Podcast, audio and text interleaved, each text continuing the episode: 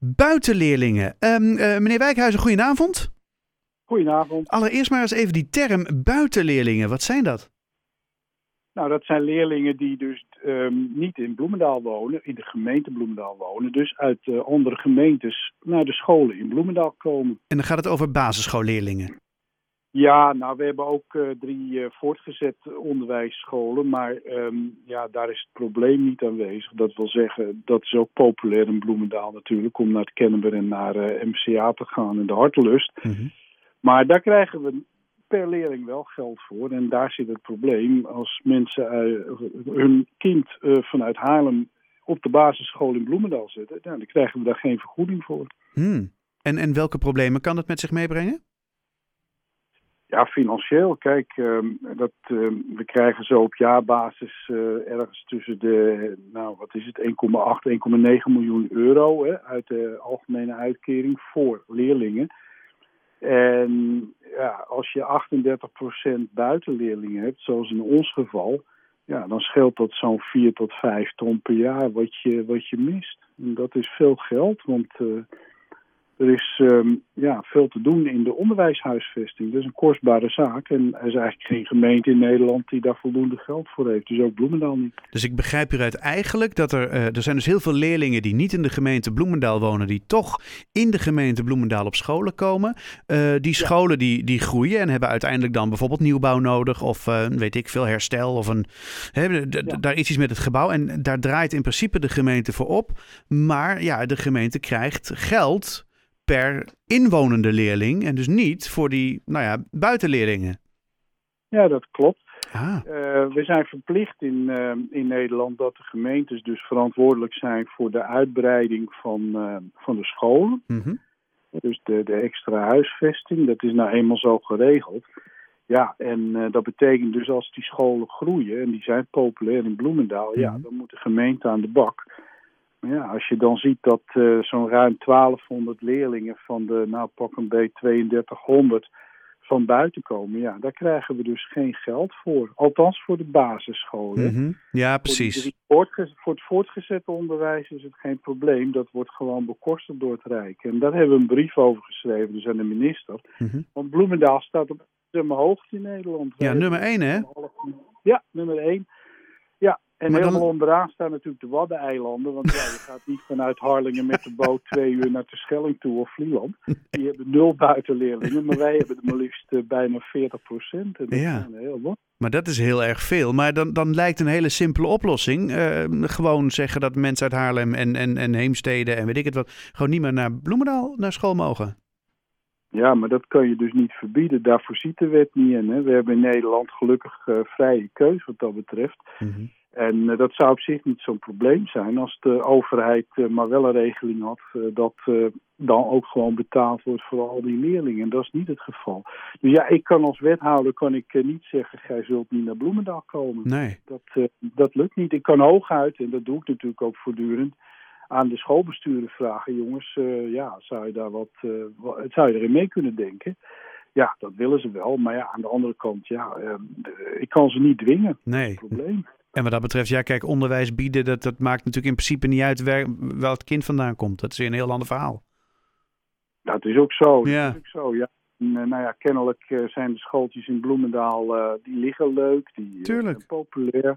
Ja, dan krijg je dat. Hè. En dan sturen, nou ja, mensen gaan best wel soms behoorlijke afstanden afleggen om hun kind uh, op zo'n schooltje te doen. En is het dan een hele rare gedachte dat u dan contact heeft met de gemeente waar al deze kinderen vandaan komen en zegt, goh, kunt u hè, als gemeente zijnde de, to, hè, dat, datgene wat u krijgt voor deze leerling uh, naar ons overmaken? Uh, nou, dat, uh, dat zou ik natuurlijk wel kunnen vragen, maar ja, dat doen ze niet. Hè? En daar kan ik ze ook niet toe dwingen. Dat is het probleem. Hmm. Dus ja, dat is nou eenmaal regelgeving in Nederland. We moeten wel verplicht zorgen voor, uh, voor de schooltjes, hè, voor, de, voor de uitbreiding van de schooltjes. Schooltjes zelf moeten zorgen voor het onderhoud. Daar krijgen ze ook weer geld voor van het ministerie.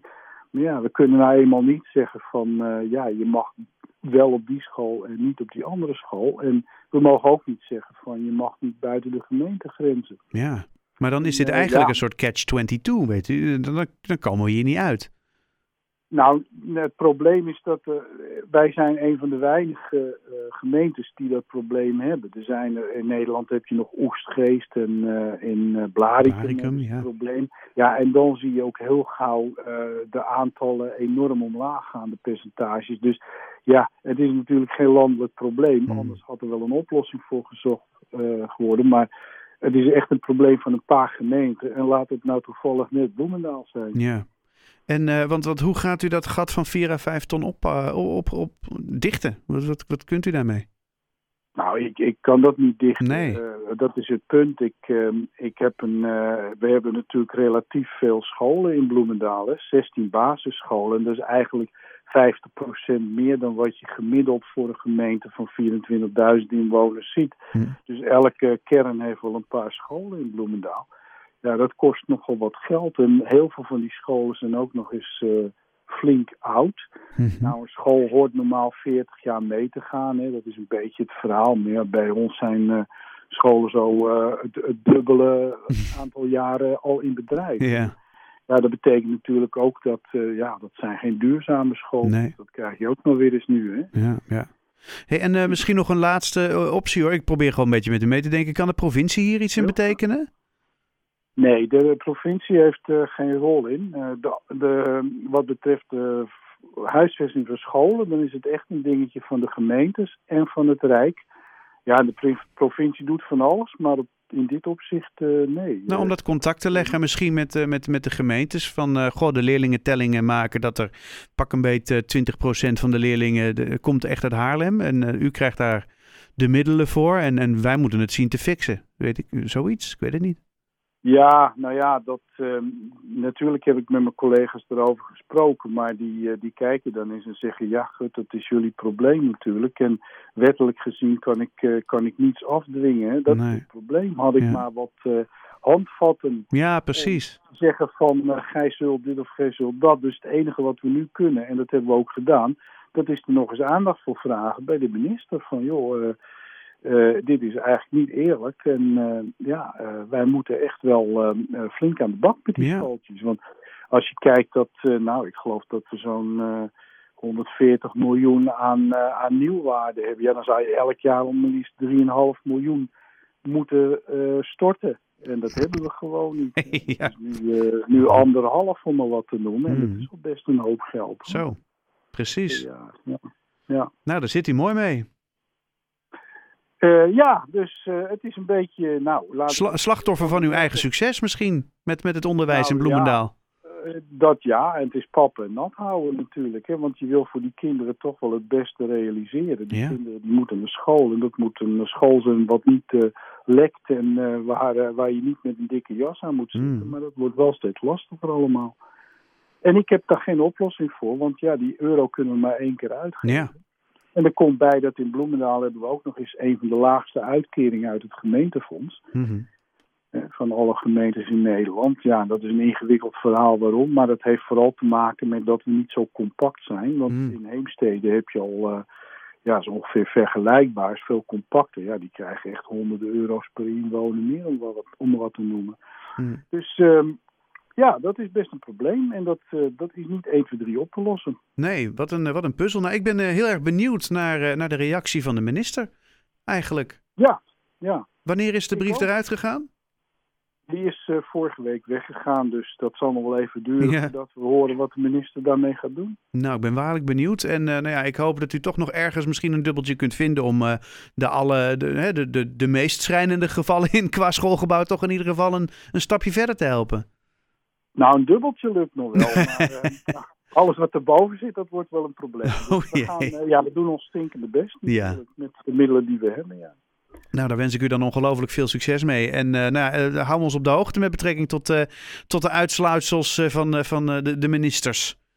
Nou, als er wat is, dan laten we dat uiteraard horen. En dan hoop ik het in ieder geval weer via dit programma kenbaar te maken. En ik hoop goed nieuws. Maar Dat hoop ik ook met u. Ja. ja. Nou, dan wens ik u een hele fijne avond. Dank u wel voor uw reactie. En uh, nou ja, Ja. fingers crossed. Ja, doen we. Dank Fijne avond.